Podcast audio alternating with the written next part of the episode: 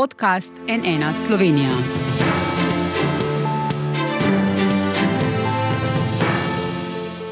Dobro dan, to je NN studio. Tokrat smo v državnem zboru, kjer poslanke in poslanci na izredni seji odločajo o interventnem zakonu za odpravo posledic katastrofalnih poplav in tudi o rebalansu proračuna. Politika je tokrat v marsičem enotna, a SDS kljub temu interventnega zakona ne bo podprla, saj koalicija ni sprejela dopolnil, ki jih v največji opozicijski stranki vidijo kot ključna. Kaj prinaša najnovejša različica zakona, zakaj je koalicija obvezni solidarnostni prispevek tik pred zdajci še razširila, kaj bo z enotnostjo politike pri nadaljnih ukrepih, ki se obetajo pri sanaciji škode. Z mano sta vodja največje poslanske skupine v parlamentu, vladajoče svobode, gospod Borut Sajovic in poslanec SDS, tudi prejšnji minister za kohezijo Zvonko Črnač. Dobr dan, dobrodošla. Dobar dan. Gospod Sajovic, sinoči na odboru, na pristojnem odboru je bilo k interventnemu zakonu sprejetih še na desetine amandmajev, nekateri so prihajali zadnji trenutek, se je bila zato tudi večkrat prekinjena. V kolikšni meri je zdaj zakon drugačen od tistega, ki ga je sprejela in predstavila vlada in če prosim še enkrat naštejete tiste ključne rešitve zakona, zlasti tiste, ki neposredno zadevajo ljudi prizadete v poplavah. Zgodba in pa razsežnost naravne nesreče je izjemna in zato mora biti izjemen, podroben tudi odziv na rešitve, ki se v zakonu pripravljajo. V poslanski skupini Svoboda problematiko poznamo, od vsega začetka smo bili z ljudmi na terenu, tako kot tudi v drugih poslanskih skupinah. Jaz mislim, da cilj še vedno ostaja skupen vsej slovenski politiki in isti, vidimo pa do cilja različne poti in različne korake. Z amandmaji včeraj na odboru je bil zakon zagotovo izboljšan in nadgrajen, mislimo pa v prvi fazi na tiste, ki so bili najbolj prizadeti, ljudje, ki so ostali brez doma, brez strehe nad glavo ljudje, ki so ostali brez podjetij, delavnic, ljudje na gorskih kmetijah, ki jih ni več, na kmetijah, do katerih ni cest, potem pa seveda tudi gospodarstvo, prekinjene ceste, odpovedane pogodbe, prekinjene dobavne verige in ne nazadnje pomemben segment državi, občinam in ministrstvom dajemo urodja, da bomo lahko hitrejši in pa učinkovitejši. Zakon išče rešitve. Ampak v bistvenem delu je ostal nespremenjen. Zagotovo. Mislim, osnovni duh in bistvo ostaja enako, rešitve se še nadgrajujejo in jaz vam moram že zdaj povedati, da zagotovo bo narava obnove pokazala, da bomo v zakonu o obnovi zagotovo še kaj nadgradili. Gospod Črnač, sinoči po debelih desetih urah seje, ki je na trenutke, moram reči, precej spominjala na tiste seje v času vaše vlade, ko so se sprejemali tako imenovani protikoronski paketi, je vaša stranka po tem interventnemu zakonu odrekla podporo, ker koalicija ni sprejela amandmajev, ki jih vi vidite kot ključne. Kateri so to ali morda danes še obstaja kakšna možnost, da si premislite glede podpore zakonu? No, najprej ne vas popravim, ni res, da je Slovenska demokratska stranka odrekla podporo, zakona nismo podprli, nismo pa mu nasprotovali. Razprava včeraj niti podrazno ni spominjala na razprave v času COVID krize, ko je bila sedanja koalicija v opoziciji. E, bila je popolnoma drugačna, bila je vsebinska. V Slovenski demokratski stranki smo predlagali 53 amantmajev, 53 dodatnih predlogov, od tega sta bila sprejeta dva Eh, ne bistvena, bistveni amandmaji, bistveni dodatni predlogi pa so bili zavrnjeni. Tudi smo do 12. ure do začetka seje vložili vse amandmaje. Prekinitve so bile potrebne zaradi tega, ker je amandmaje tekom seje potem vložila eh, na svoj zakon koalicija. Eh, čez nekaj ur bomo glasovali o tem zakonu. Slovenska demokratska stranka tokrat polaga odločitev o tem, kako bomo glasovali v roke koaliciji. Ključna sta dva člena, 98. in 99. člen, katerima smo vložili amandmaje, še nekaterim drugim sicer, ampak za nas sta ključna ta dva, tudi za ljudi, tudi za za prebivalstvo in gospodarstvo in od podpore tema dvema amandmajema je seveda potem odvisna tudi, ali bo ta zakon sprejet soglasno ali ne sprejet v vsakem primeru, ker v Slovenski demokratski stranki podpiramo vse rešitve, ki govorijo o odpravi administrativnih ovir pri zagotavljanju hitrejše obnove sanacije eh, na področju eh, prometne, energetske, komunalne in ostale gospodarske infrastrukture. Podpiramo vse razbremenitve ljudi eh, na področju storitev, ki jih ne morejo koristiti in infrastrukture, ki jo ne morejo koristiti. Podpiramo vse solidarnostne prispevke, podpiramo znižanje DDV-ja za opremo za gasilce in vse številne druge dobre rešitve v tem zakonu. Odločno pa seveda nasprotujemo eh, temu, da se v trenutku, ko ocena škode še ni znana, danes smo slišali predsednika vlade, da je govoril o sedmih milijardah, eh, takoj po ujmi eh, je govoril o 500 milijonih, nekaj dni kasneje o dveh, treh milijardah, vse to so špekulacije, ocene škode ni. Vemo pa, koliko sredstev trenutno v letošnjem letu Slovenija ima na razpolago za odpravo posledic in teh sredstev je preko 3 milijarde evrov. Po tistem, kar je včeraj storila vlada in to odločitev smo tudi predlagali, vlado pozvali, da to naredi in podprli, ko je uh, sprejela zahtevo za dodatnih 747 milijonov evrov sredstev iz mehanizma načrta za okrevanje od skoraj 3 milijarde evrov razpoložljivih, po tistem, kar je povedal danes predsednik vlade, da bo 800 milijonov evrov prerasporenih v okviru kohezijske ovojnice 2021-2027, po tem, da Slovenija računa lahko na 400 milijonov evrov iz eh, solidarnostnega mehanizma, po sredstvih, ki ostajajo v podnebnem in ostalih skladih, je teh sredstev na voljo preko 3 milijarde evrov. Zaradi tega je popolnoma nepotrebno v tem trenutku dodatno posegati v žepe ljudi z dodatnimi prisilnimi prispevki in dajatvami, kajti ljudje so v tej umi izkazali izredno solidarnost. Slovenija je stopila skupaj, eh, ljudje so pomagali, ne samo z delovnimi sobotami, tudi s številnimi delovnimi nedeljami in ostalimi dnevi in ogromno donirali. In tako bo tudi v prihodnje. Žaljivo do njih je, eh, da se jim ne zaupa in da se prisilno posega v njihove žepe v trenutku, ko še ne, vom, ko še ne vemo, kakšen bo obseg škode. Zaradi tega predlagamo, da s tem počakamo, dobimo oceno, vidimo, kakšna bo finančna konstrukcija in vkolikor se bo ugotovilo, da je potrebno dodatno poseči tudi v žepe ljudi in bodo predhodno počiščene vse ostale javne bilance tam, kjer ni potrebno razdeljevati denarja. Recimo, sem danes omenil 6,3 milijona evrov razpisa, ki je bil objavljen teden dni pred ujmo na MJU, ki gre eh, tako imenovani civilni družbi, ki pa niso ne gasilci, ne ostali prostovoljci, ki so bili zdaj na številnih deloviščih.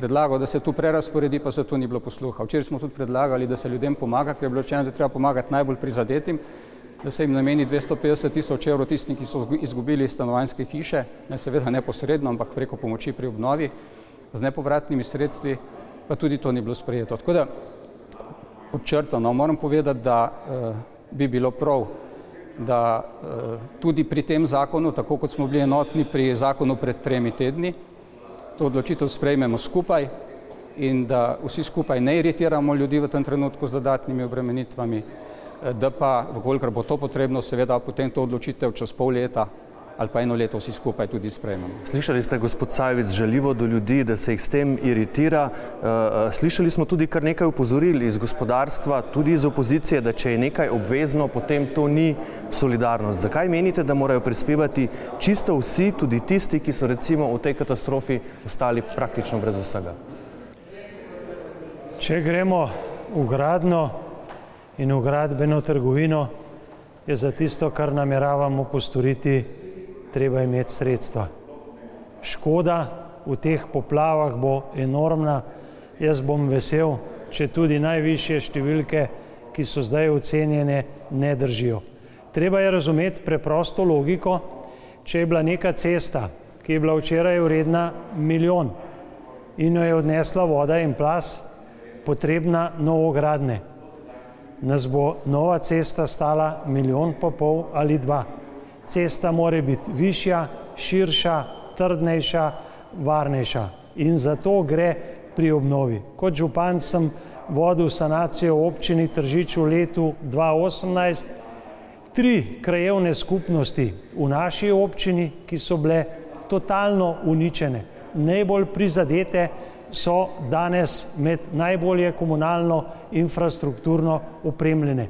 In tako bo tudi v Črni, Lučah, Savinski dolini, Mežici in še kje.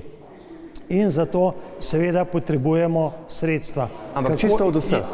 Kako jih bomo zbrali?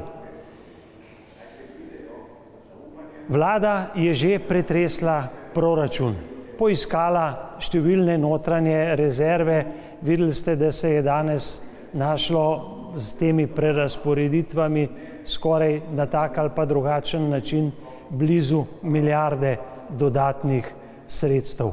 Ja, kadar je nas nesreča, so sporočila javnosti jasna, da prispevati moramo vsi, vsakdo seveda s svojimi možnostmi ali pa svojo vrednostjo premoženja in pa kapitala.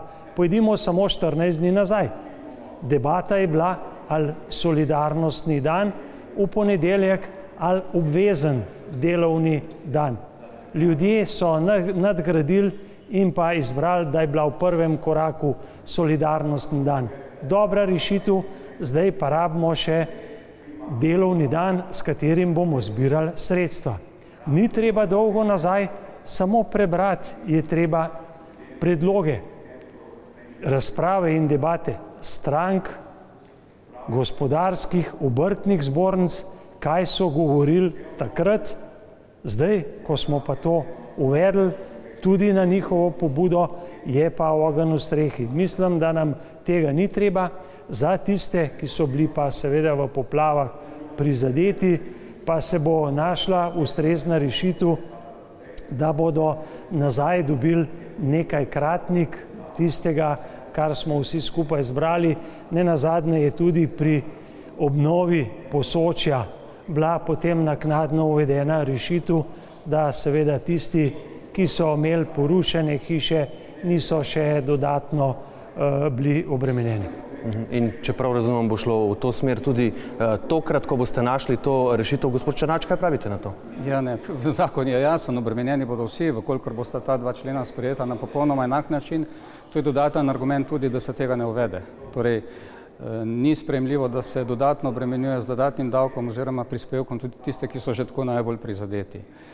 Lejte, glede tega prostega ponedeljka, ne, 14. augusta, ki je bil uveden na pobudo koalicije, je šlo pač za napako. To je dejstvo.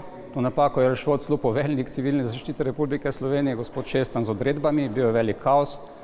Mi nismo predlagali nič drugega, kot da ostane tako, kot je. Tak ponedeljek, kot je bil, normalno delajmo in prostovoljno prispevajmo tisti dan. Ni potrebno nobenega zakona, zato in vsi bi prispevali. Tako je pa šlo 90 milijonov evrov. Ne, tisti dan je odnesel najmanj 90 milijonov evrov po nepotrebnem, ampak eh, takrat smo v Slovenski demokratski stranki kljub temu celoten zakon podprli, ker smo ocenili, da je zelo pomemben prvi signal, ki ga je potrebno dati glede tega. In tudi ta današnji signal je pomemben. Tako da nič od tega, kar je, kar je bilo rečeno, eh, ne da argumentov za to, da bi bilo potrebno v tem zakonu ljudi dodatno obremenjevati. Vse druge rešitve je treba povedati, so dobre, gredo v pravo smer, nekatere niso najboljše, ne. tudi z gospodom Sajvicem smo se pogovarjali glede tega prostorskega urejanja, rešitve, ki jih predlagajo, niso najboljše, ampak niso toliko problematične, ker je na poti tretji zakon, ki bo govoril o obnovi in brez težav lahko te stvari tudi tam uredimo. Tudi pomoč ljudem, če je bila zdaj zavrnjena, lahko dodatno nadgradimo v naslednjem zakonu, ki bo govoril o obnovi. Te stvari se pa nam zdijo ključne, gledajte, prvič zaradi tega, ker je potrebno vedeti, da je to solidarnost, ki je bila tukaj izkazana, potrebno negovati in jo vzdrževati. Kaj ti ni rečeno, da se ne bo čez pol leta ali pa leto dni ponovilo, kje druge kaj drugega. In ljudem, ki so se sami odzvali, sami šli pomagati, sami zbirali sredstva, upremo, materijale, ni dobro v taki situaciji prisilno nalagati dodatnih obremenitev. Gospod Savic. Sporočilo solidarnosti, medsebojne pomoči, sodelovanja je neprecenljivo in se ne meri v denarju. Vidite pa tudi iz te razprave kolega, ne, da imamo isti skupen cilj pomagati ljudem v stiski, zbrati sredstva in jih transparentno, pregledno, kar je najpomembnejše, porabiti za tiste, ki so jih najbolj potrebni.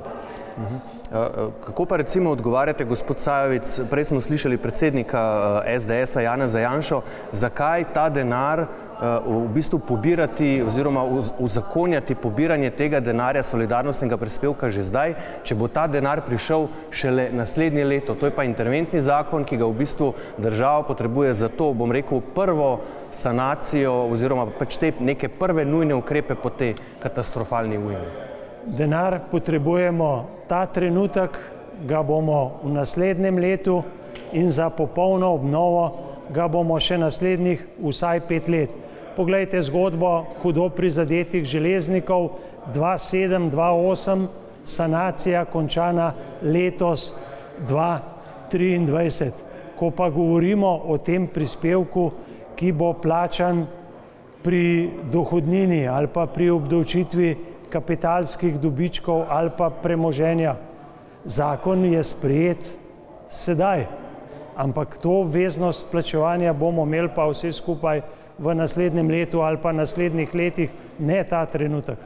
Gre za sistemsko zbiranje denarja na dolgi rok, da vsakdo od nas prispeva po svojih možnostih. Kaj pravite na to in v bistvu še pod vprašanje, gospod Črnač, vse čas poudarjate v vaši stranki, preden se udari po žepih davkoplačevalce, mora vlada postrgati povsod druge, kjer se da postrgati. Nekaj od tega ste že omenili, morda še kaj, eh, kje vi vidite še tu manevrski prostor na proračunskih postavkah, katerih ali kje druge. To je normalno to napoveduje tudi predsednik vlade, ampak žal eh, njegovi ministri ne ravnajo v tej smeri. Prej sem vam navedel en konkreten primer glede ostankov dohodnine. Mi imamo ureditev, po kateri ljudje lahko en odstotek dohodnine namenijo različnim društvom in prostovoljskim organizacijam. Večina ljudi tudi to naredi, nekateri pa ne. In tam ostane kar nekaj milijonov teh sredstev, ki jih potem za eh, ne te organizacije, ki jim jih ljudje namenijo, to so razna prostovoljna gasilska društva, kulturna društva, skauti, Karitas, Rdeči križ in tako naprej. Eh, neka komisija pri MJU ta sredstva deli potem, eh, jaz sem danes temu rekel, provladni civilni družbi. Se pravi, tistim, tistim, ki jih ne boste našli na spisku tistih, ki jim ljudje namenijo ta sredstva. In to je bil ta razpis, o katerem sem govoril, 6,3 milijona evrov, ki bi ga bilo potrebno ustaviti, ker so razmere se bistveno spremenile, ker ne prispeva k nobeni dodani vrednosti ne, in uh, namenja sredstva uh, organizacijam, ki jih ni bilo tukaj na, del, na, del, na, del, na deloviščih v, v tej ujmi. Torej, in še številni druge postavke so po ministrstvih. Uh, proračunska logika je pač taka, da na koncu leta vsi uradniki pogledajo, če kje kaj ostaja ne, in potem se nabavljajo razni stoli, mize, avtomobili in tako naprej, samo da ne ostanejo sredstva. Tega letos ne sme biti, ampak zaenkrat to ni bilo narejeno. Ne. Gospod Sajec je govoril, da se je počistilo. Ne, ni se. Samo 200 milijonov se je iz rezerv pre, preneslo in 320 iz uh, predvidenih kapitalskih naložb, ki jih ni bilo. In s tem se je iz rebalansu zagotovilo pol milijarde evrov sredstev. Tega čiščenja pa še ni bilo. To čiščenje je potrebno upraviti čim prej, ker smo pred koncem leta da ne bodo ministrstva po nepotrebnem teh sredstev trošila. In šele, ko bo vse to narejeno in ko bodo vsi ostanki počiščeni, recimo podnebni sklad. Mi imamo v podnebnem skladu uh, v letošnjem letu okrog 300 milijonov evrov sredstev. Porabljenih bo nekaj manj kot 200 milijonov evrov. Normalno je, da se ta ostanek, okrog 100 milijonov evrov, prenese v ta sklad za obnovo, ne pa, da se prenese za neke druge namene, ki jih v tem trenutku ne potrebujemo. Lejte, ko gre za obnovo, ne moramo financirati, ne vem, eh, nekih projektov, če sem omenjal kolesarnice na železniških postajah, 3 milijone pa pol evrov. Ne, super, vse jih treba narediti, ma ne za 3 milijone pa pol, verjetno, se da tu narediti za manj pa da ne govorimo, tam noter so sredstva, ki so bila predvidena tudi za posamezno hidroelektrarno, ki se zaradi blokad ne izvaja, pa razno razna sredstva, ki gredo v desetine milijonov evrov, ki jih je treba v tej krizi, v letošnjem in vsaj še v naslednjem letu preusmeriti za obnovo. In šele potem, ko se vse to naredi, še potem, ko se vse to naredi, eh, je pač potrebno, kot sem povedal, pogledati, kje smo in v takem primeru menim, da tudi ne bi bila težava, tudi vizavi tistim, ki bi bili dolžni potem skozi obvezno dajatev nekaj prispevati, da bi za to prispevali. Kaj pravite na to? Boste to naredili, še dodatno čistili proračunske postavke, da tako rečem? V delu te zgodbe se z razmislekom eh, kolega strinjam, to se v praksi tudi dela, ministrstva pregledujejo, iščejo sredstva, postavke, kar precej se jih je že našlo in se jih bo še. Kar se pa nevladnega sektorja tiče, je pa seveda treba ločiti zrna odplev, zagotovo pa se zavedati, da smo Slovenija na področju društv posebna država in to se nam je breko obrestovalo tudi v ujmi, kajti ravno številna društva iz civilne sfere z gasilci na čelu so nam res rešili veliko življenj in premoženja, zato je treba to tudi ceniti, spoštovati, se pa strinjam, da skrbno pogledati in paziti na vsak evro. Vsi to je naš predlog, da damo tem, ampak vi ga ne podpirate. Ne? Gasilska društva so po požaru na Krasu v bistveno boljši situaciji, kot so bila. Vse rešitve še niso idealne, zato tudi znižujemo davek za nakup opreme, da bo opremljenost še boljša in s koraki v to smer bomo tudi še nadaljevali. Ja, ampak to v bistvu ne rešuje recimo konkretnega primera eh, problema, ki ga imajo recimo na prevaljah, kjer imajo gasilci praktično vso opremo eh, Lejte, uničeno in jo čim prej potrebujejo. Ne. Moram vam povedati, da kot prostovoljni gasilc, ne, da zadeve niso ravno take.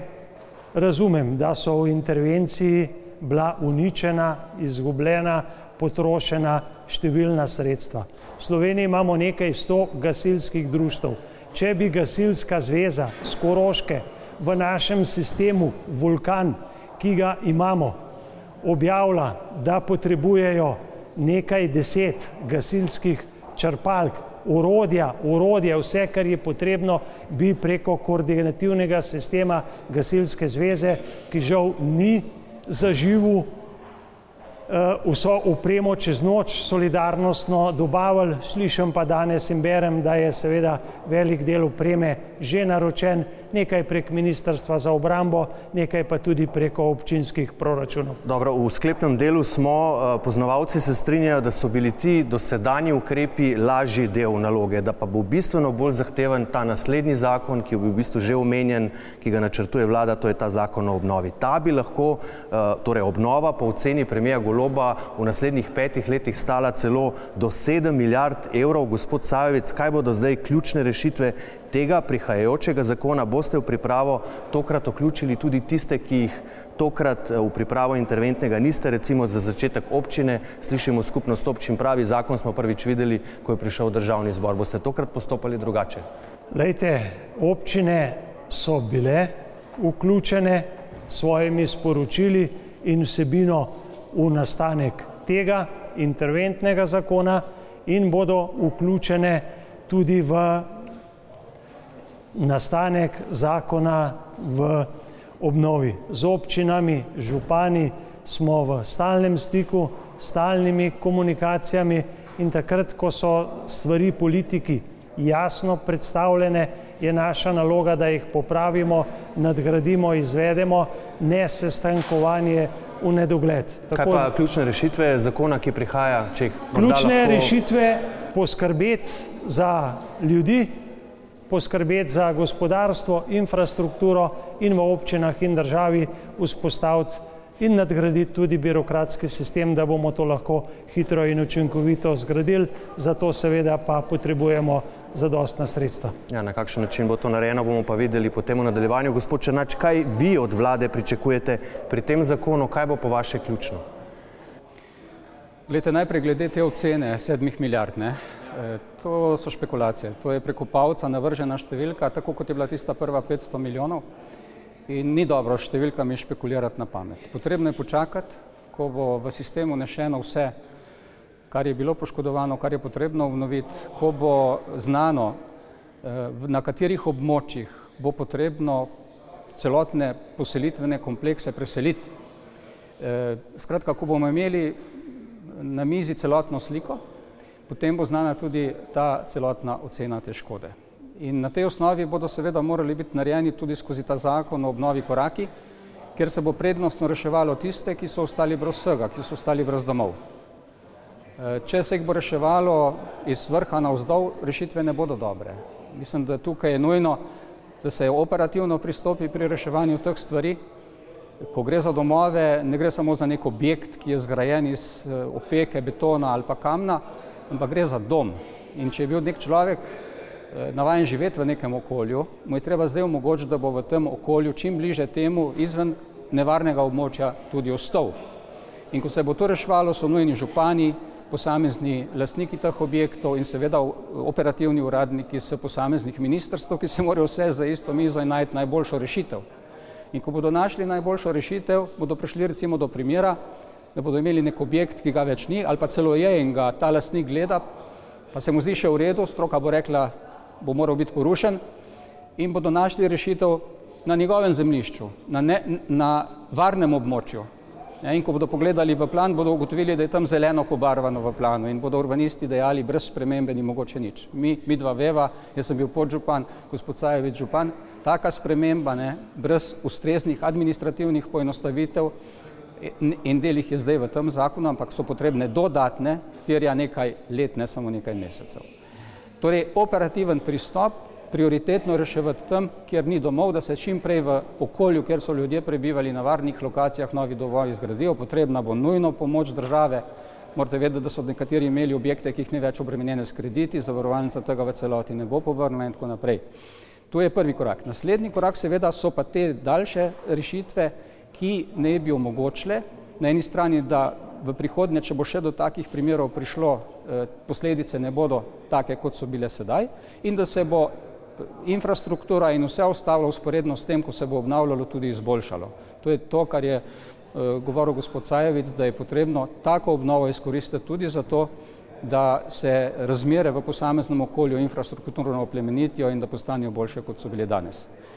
Morate pa vedeti, da imamo tukaj še eno težavo, ki se je izkazala v zadnjih dneh, eh, predvsem v, na Koroškem, glede onesnaženosti, kar terja dodaten napor in dodatna prizadevanja.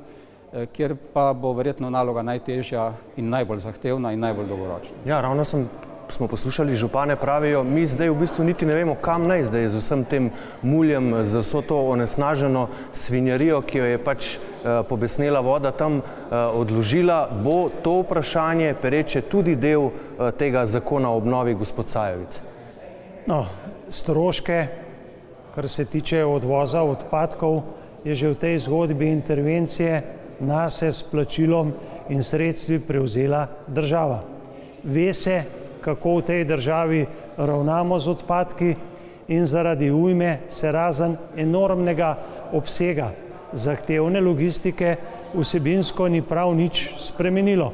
Odpadke je v največjem možnem delu treba ločeno zbrati, nekatere izkoristiti, mislim grušče, gramoze iz zaplavljenih rek, tisto, kar je nevarno in škodljivo, pa na ustrezen predpisan način uničati. Nekaj z ustreznim deponiranjem, nekaj pa z sežigom ali pa neutralizacijo.